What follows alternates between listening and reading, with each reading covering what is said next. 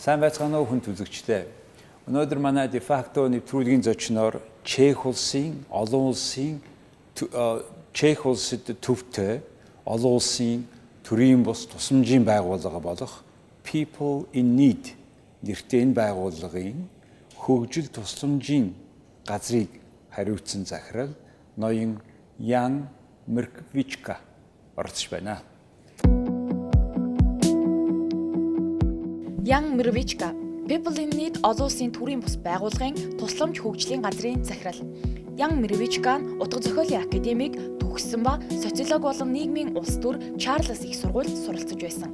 Тэрээр одоогийн албан тушаалтаа 2013 оны 3 дугаар сараас ажиллаж байгаа бөгөөд Пин төрийн бус байгууллагын Шри-Ланка дахь суурин төлөөлөгч Афганистаныг хариуцсан мэрэгжилтэн яаралтай тусламжийн зохицуулагч зэрэг ажлыг хийж байжээ.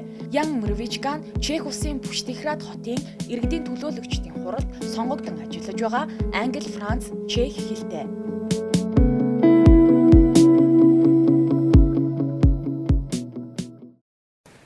Good afternoon. Good afternoon.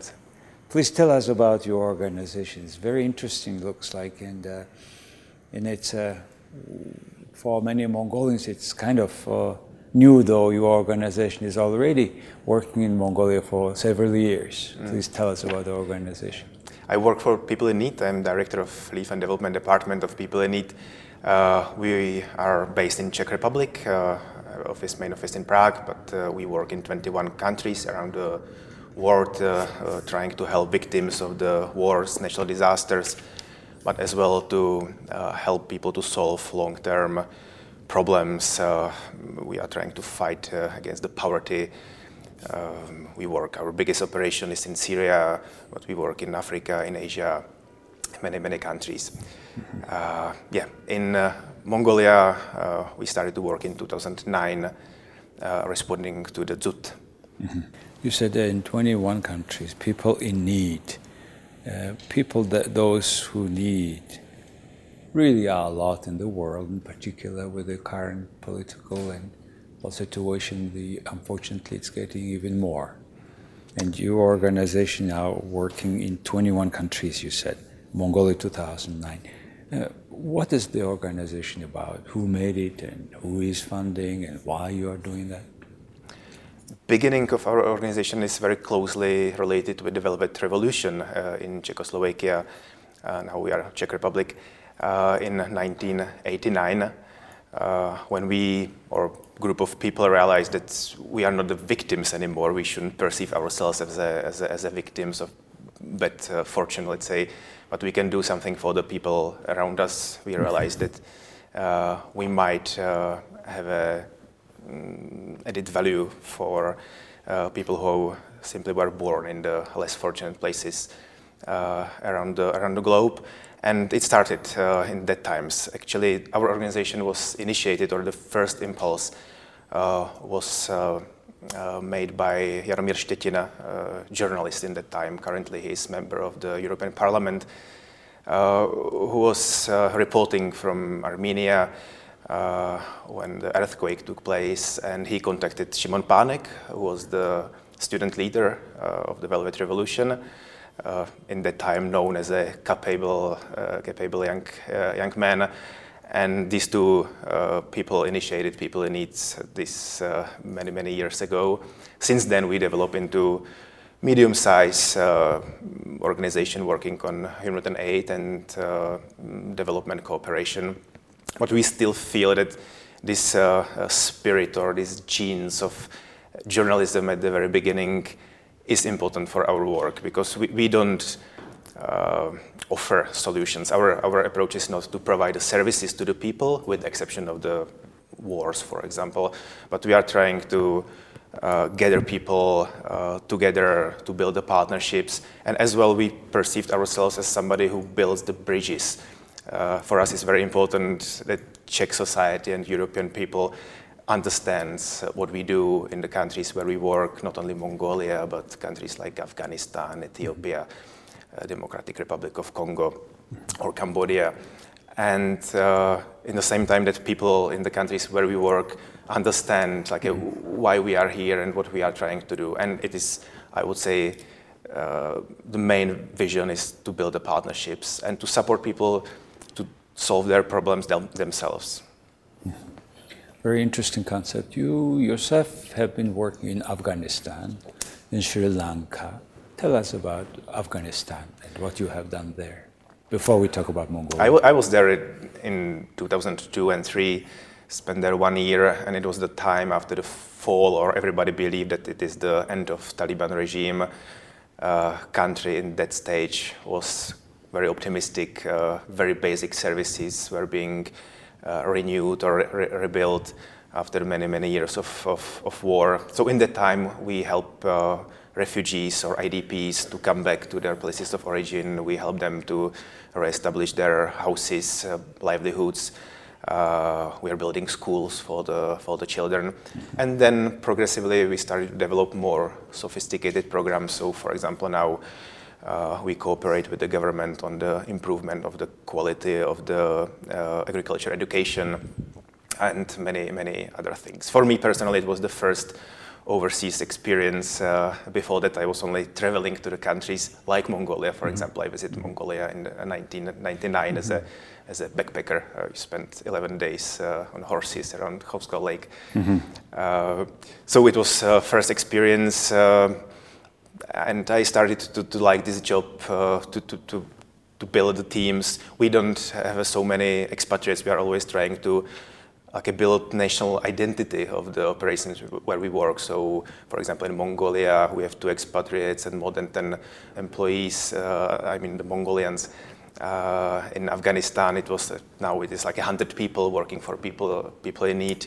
Uh, most of them are, of course, national national staff, and this spirit of cooperation and still maybe surprisingly optimism in, in our teams in Afghanistan, which is maybe difficult to understand for the people who are just knowing the country from the from the media and from the news because uh, situation there is, I would say, getting worse and worse. And in Sri Lanka, it was a little bit different story. We started to work there after tsunami mm-hmm. hit the country. Uh, so it was again uh, reconstruction of the affected places, uh, building the houses, uh, offering people alternative livelihoods because mm-hmm. many people lost their livelihoods permanently as a, as a result of the, uh, of the tsunami. Mm-hmm. But in the same time, civil war started, uh, so we are dealing with the two combined disasters, mm. trying to help IDPs, victims of the war, but in the same time trying to rebuild the country after the tsunami. So you you are also cooperating with uh, the Czech government. There, uh, it's called development cooperation. Mm. Some of your projects are funded by them initially, and also you are raising otherwise funds to do your missions. So let's talk about uh, Mongolia. What you have been doing, and when, and how you're doing it. Yeah. Actually, uh, cooperation with the Czech government uh, standing at the beginning of, of our presence here. Uh, if I don't count the very first uh, response uh, to the uh, to the ZUT in 2009, we established the permanent mission here in 2011, and in that time, Mongolia was the priority country for Czech development cooperation. Mm-hmm. Um, I would say the main reason for, for that uh, are very close ties of these two countries. Many uh, people from Mongolia studied in Czechoslovakia in the past, uh, many people still speak Czech or Slovak language. I learned that you speak uh, Czech language as well, which, which was nice. Uh, and surprising uh, for, for, me. So yeah, the, the, there was quite intense, and there is still quite intense cooperation. So in that time, Mongolia was the, one of the priorities, and uh, Czech government came with the idea to support uh, people uh, living on the countryside and bring them the medical care. So we designed, and actually I came for the first assessment, so I'm as well personally attached to, to this country, uh, designing the first program on the mobile health uh, clinics. We established these mobile health clinics in um, by the six uh, six hospitals uh, in, in, that time. So it, it was the first uh, first uh, project, like a first development project. Uh, second one was um, on the increasing capacity of the vocational training centers with the aim to diversify income and uh, income generation opportunities for the people again living in the in the in the countryside. Mm-hmm. And since then, we started to understand a little bit more uh, this difficult and complex problem of the country, and we are trying progressively to develop, develop our programming. I, I wouldn't say that we have a solutions, and if I'm saying we, I don't mean only people in East Czech Republic, but mainly people in Mongolia, our team here, and uh, many partner organizations we cooperate with, uh, academia, universities, government, and so on. We are trying to, to, to build this, uh, these partnerships uh, and uh, uh, progressively digging deeper and deeper into the problems and trying to find the, find the solutions. I understand since, as you said, since, well, for almost 10 years you are in Mongolia, and since 11 you have an office, and you have been these projects, for example, mobile health clinics. What is the impact of the project? How you see that? Will it continue or if you mention you mentioned this mobile health clinics project, so I'm gonna to see it on my on, on eyes tomorrow actually because I, I wanna have this evidence. But what I know from my colleagues uh, that uh, all of these uh, six uh, facilities are still operational. Mm-hmm. So you have like a one immediate impact, which is uh, uh, health services are accessible to the people in, in, in, in the rural communities. But of course, there would be there is a vision that this approach could be extended to the whole country, but for that you need a cooperation uh, of the government and uh, other other actors. So mm. Do we can reach many people, but it's up to the Mongolian side to decide whether this will be accepted. Is it like herdsmen calling for medical help, or how does it work? There is as well emergency service, but the main purpose uh, is that uh, these mobile clinics do the regular uh, visits mm-hmm. Uh, of the uh, SUMs and uh, doing the medical checkups and then referring people to the central hospital. So this is a kind of a car or hospital yeah, yeah car. it's actually equipped vehicle, but it's not about, our approach is not just to give somebody the, the, the vehicle, but the, the main thing was to develop whole approach, to prepare the methodology, uh, and uh, cooperate with these hospitals to make this service sustainable. The, the main thing was that persuade uh, hospitals and government to allocate the funds for the operational costs because we don't want to just give somebody a vehicle which would then uh, uh, wait for the for the petrol. Certainly, are you focused on particular aimag provinces in Mongolia? Actually, we started in, in Darkhan and, and Selenge. Uh, now we are focusing uh, on uh, the eastern part mainly Sukhbatar, huh? mm-hmm. uh, where we uh, this year as well responded uh, to the Dzut. Okay. when I'm mentioning this response to the Dzut, we are o- only targeting the most vulnerable people. Uh-huh. Our intention is definitely not to go against the nature and uh, to provide uh, uh, restocking to, to all, all, of the affected herders uh, or pastoralists, but our, our aim is just to identify the weakest, the most vulnerable uh, people who are really uh, endangered by life uh, by these catastrophes. Uh-huh. And, and, how you identify them? We cooperate, uh, of course, with the local administration. We have a criteria uh, for example, female-headed households. Uh, there is a criteria of the like a number of the of the of the livestock and a whole whole set of things. Then these criteria are publicly communicated to the communities, uh, uh and the selection result is as well communicated. So if people feel that they should be on the on the list, they can approach us uh, and uh, raise their concerns. Say a person, say a female head of household is uh, enlisted there and they are coming. What kind of help this project does? Uh, it's uh, uh, mainly we are trying to supply people with the feed if they still have animals. That mm-hmm. will help them uh, uh, to provide these animals with feed and vitamins just to, to, to survive and, and, to cope with the disaster. if people are uh, the most vulnerable one without the livestock or who lost all the livestock, they are getting uh, cash uh, cash assistance, uh-huh. just to n- not to be in debt, not to not to uh, be forced to take loans and be able to cope uh, cope with the disaster. But our, our main main focus, I would say, like the long term one, is to strengthen resilience of the people.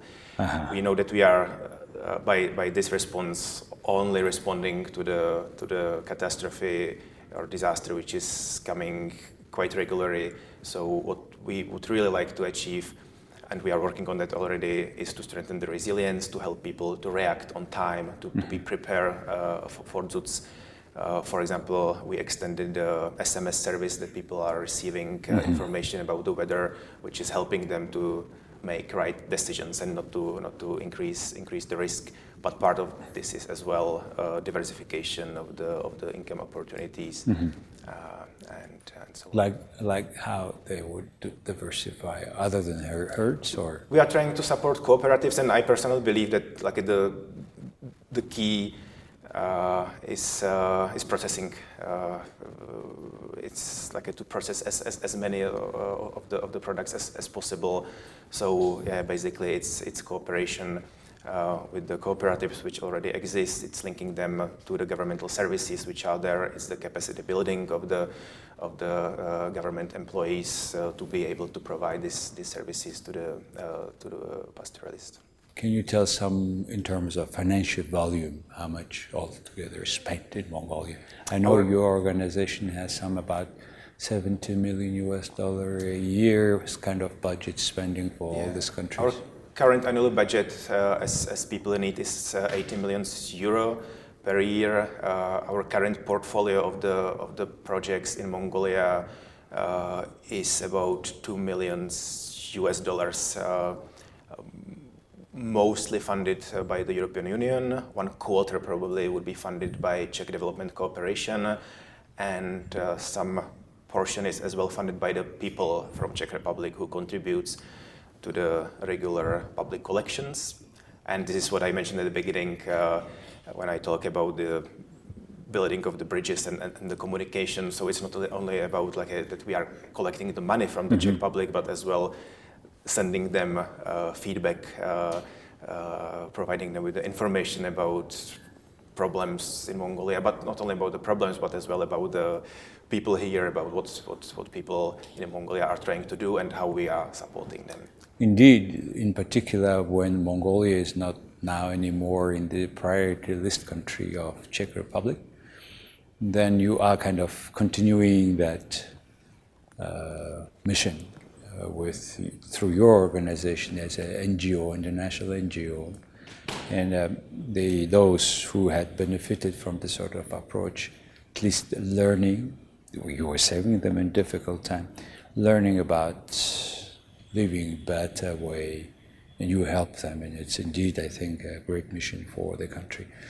Uh, yeah, I, I, I, believe that unfortunately government uh, uh, had to reduce the number of the priority countries and the fact that Mongolia is, is uh, uh, now middle income country, the country uh, was one of the arguments to okay, abandon official cooperation. But for me, it shouldn't be only about the, the governments. Uh, I, I think that the cooperation of the civil society actors and this uh, facilitated uh, relationship between the people uh, is maybe more important uh, than the official governmental cooperation. But now we, we, we are kind of uh, the envoys of the, of, the, of the Czech people in Mongolia.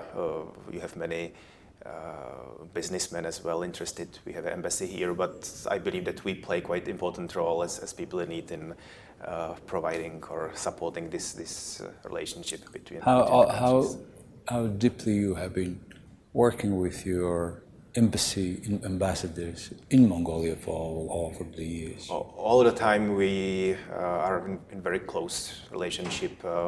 Uh, we are in touch every every month, uh, discussing not only our programs but uh, as well seeking for the other opportunities.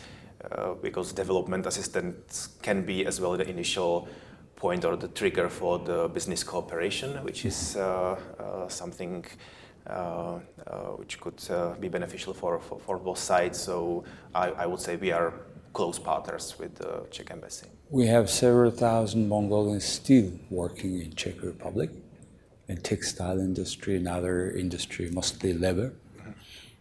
There is a strong connection still, and we have also Czech people working here in Mongolia, either businesses or NGOs like yours. Uh, how do you see overall, from your perspective, the relations between two countries? I think that despite geographically distance, we have many similarities. It's partly the history. Uh, we were under uh, influence of Czech Republic or Czechoslovakia, and that time was occupied by Soviet Union. We get independence uh, just uh, uh, in the same period as as as, as, uh, as Mongolia.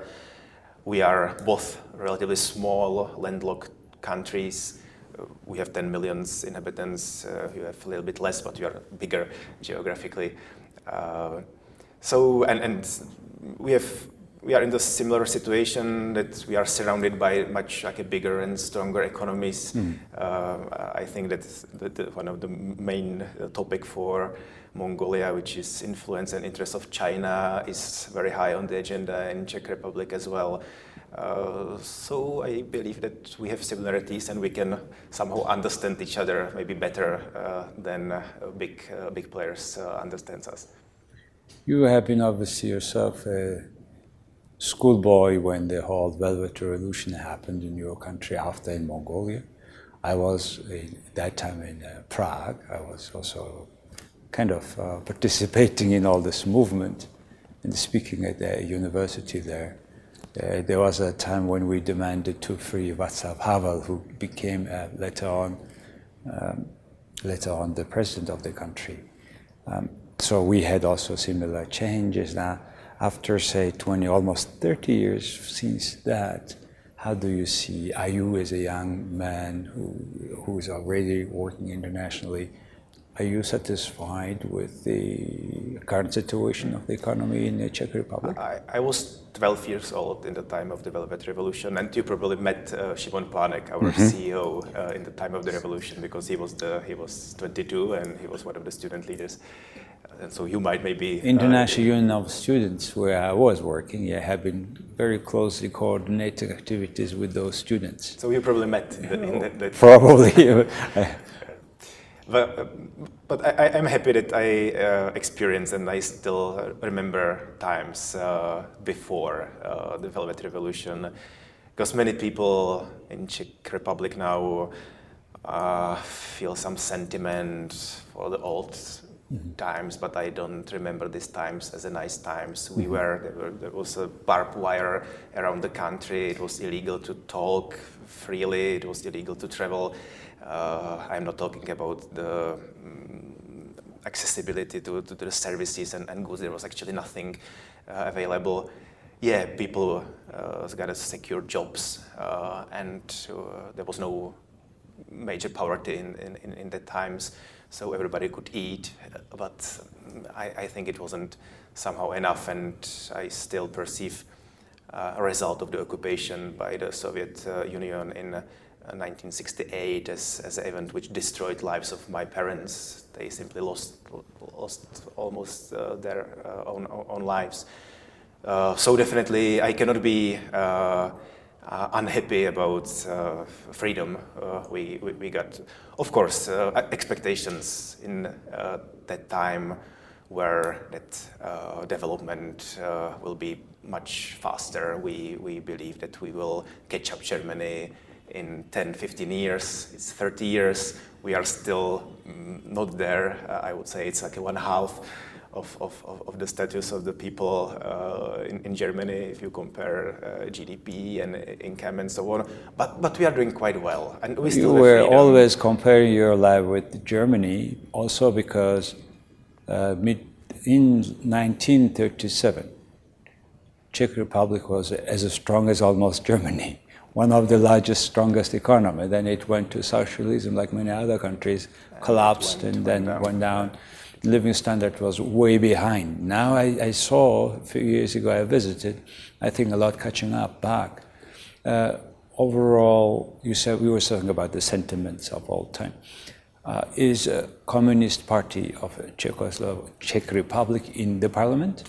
They are in the parliament. Uh, they are not that strong, and uh, their preferences are going down, but they are there. And actually, uh, recent development is that populist parties uh, won the elections, and uh, this major party made a uh, deal with the Communist Party, which wasn't possible before.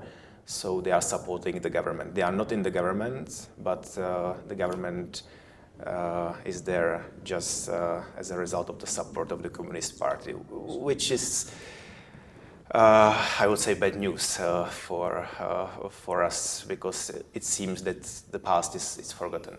In, uh, in the Soviet Union, after all these changes, they have forbidden, closed the former Communist Party of the, the Soviet Union.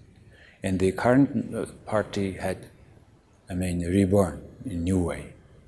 That meaning that they did not, because party had all the structure, infrastructure, money, headquarters, businesses, all was stopped and taken by the state.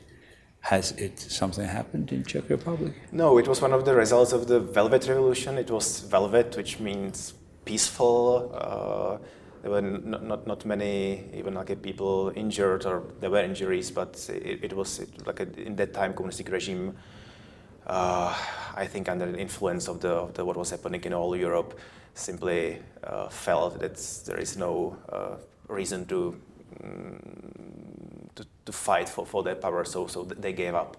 Uh, quickly and peacefully, so it was advantage, and I think it was part of the deal, maybe not the written deal, but uh, deal which was simply somehow done that uh, there were not uh, there, there, was no ban on of the of the communistic party. So they, they their they, property was not confiscated.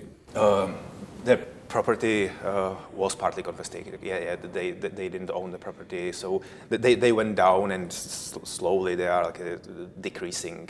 But there are new parties uh, which are kind of replacing them. Mm. So I would say that from current perspective, it's not that important whether um, like this decision uh, to, to, to, to, ban them and to, to let them to, to be re-established. Uh, it's, it's, it's not that relevant for us anymore. What is the rate of krona to, say, dollar today?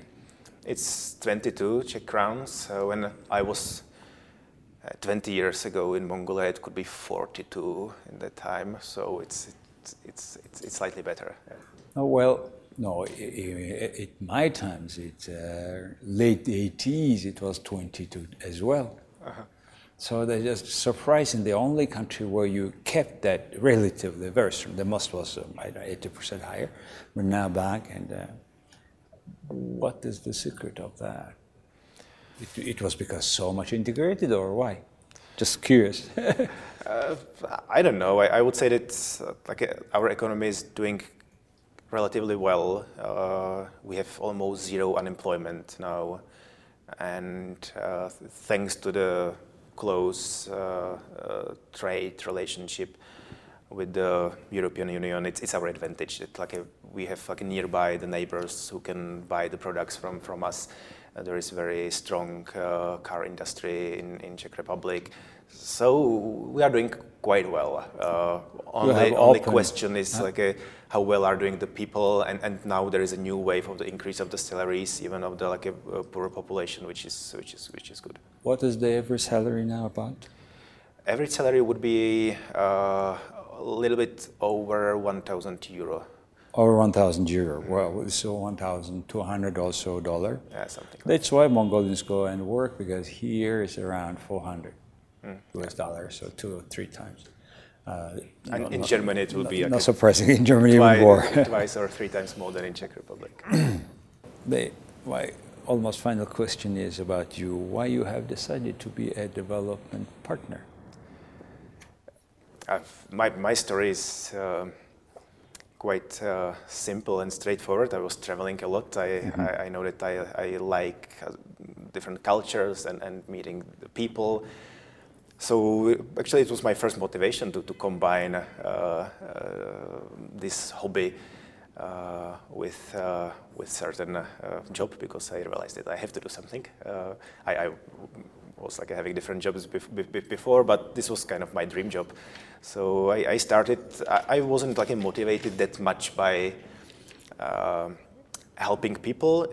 It was always more about uh, being in touch, in relationship with, with, with, other people, with uh, other like different people from different cultures. And I still we have it in, in people in need. It's, uh, if somebody told me I, am doing this just to help those people, I, think it's it's not the right approach because you can as well harm people by uh, goodwill and this, this effort to help them. So for, for me, it's about like a, to understand them, to establish a relationship, uh, and jointly find find what could be done. Exactly, that's what about partnership, friendship, and I think that's why this kind of help and your approach will make a long-lasting friendship, which is so important at the time, in particular when where we have more people making enemies every day in this yeah. world, and it's a very interesting job you're doing. Yeah, Thank you so indeed, much. It, indeed, and I'm happy that I can visit people like you and countries like Mongolia uh, as a part of my job. Thank you so much. Thank you. За эрхэм хүнд үзэгчдээ өнөөдөр манай дефакто нэвтрүүлгийн зочноор Чех улсын People in Need олон улсын төрийн бус тусламжийн байгууллагын хөгжил ба тусламжийн газрын дарга ноён Ян Мерквичка оролцлоо. Их баярлалаа.